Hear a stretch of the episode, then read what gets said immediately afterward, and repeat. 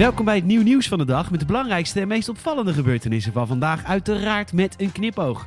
Met vandaag verdere daling weekcijfers, kinderachtige politiek in Barendrecht en natuurlijk dierennieuws. Mijn naam is Peter Bouwman en dit is het nieuw nieuws van de dag, dinsdag 9 februari.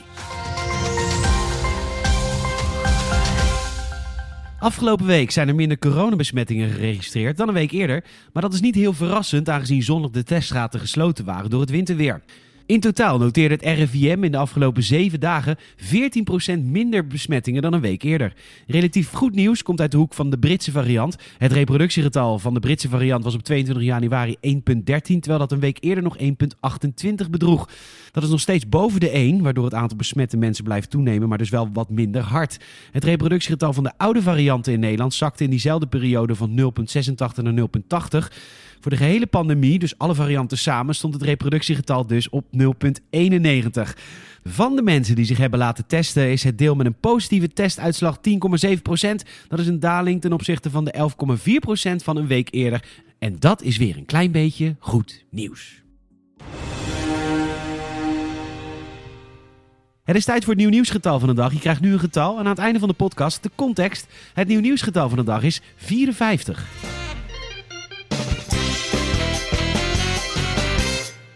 Kinderachtige plaag in de lokale politiek van Barendrecht. Daar legde de nieuwe fractievoorzitter van de PvdA, Marcel Eichhorn, de domeinnaam burgerbelangenbarendrecht.nl vast en laat dat net de naam zijn waaronder zijn voorganger, Winnie Hofland, zelf verder wilde gaan. Iets dat de verhoudingen in de raad niet helpt natuurlijk.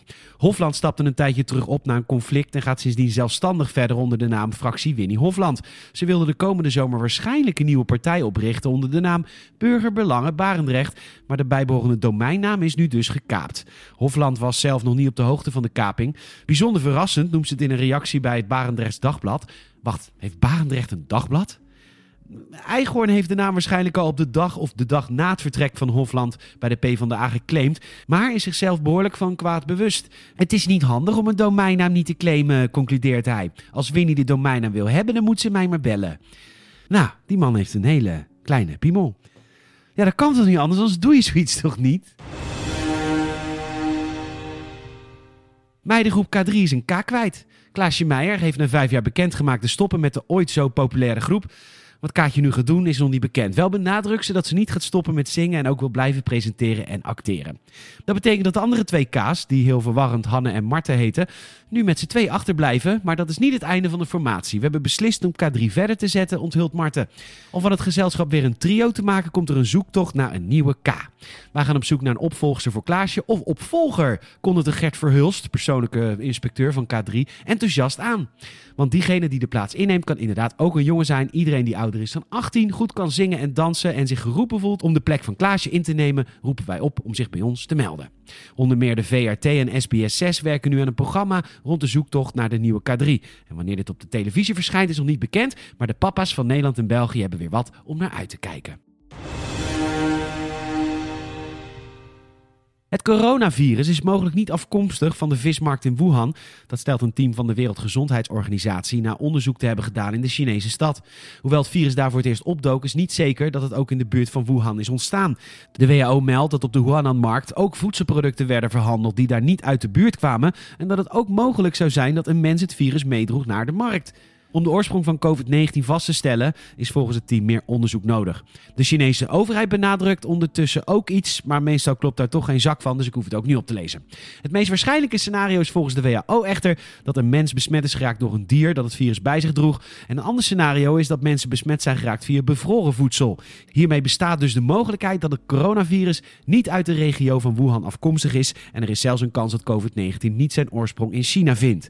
De bewering dat het coronavirus is gemaakt in een laboratorium is volgens het onderzoeksteam extreem onwaarschijnlijk. Het is momenteel zo koud in Nederland dat de zwartvoetpinguïns in Burgers Zoo het niet langer trekken. De dierenverzorgers hebben 15 jonge en partnerloze dieren naar binnen gehaald vanwege de intense kou. De dieren wisten geen eigen rotshol te bemachtigen, zoals de paardjes dat wel hebben. Zwartvoetpinguïns zijn in het wild geen Antarctica-bewoners, maar leven langs de kusten van Zuid-Afrika en Namibië. De langdurige kou die momenteel in Nederland teistert, zijn ze dus niet gewend. Het park grijpt de gelegenheid aan om de mensen meteen te informeren over pinguïns. Het is een hardnekkige mythe dat alle pinguïns uitsluitend in koude gebieden leven. De meest noordelijke pinguïnsoort leeft zelfs bijna op de evenaar op de Galapagos-eilanden, die bij Ecuador horen.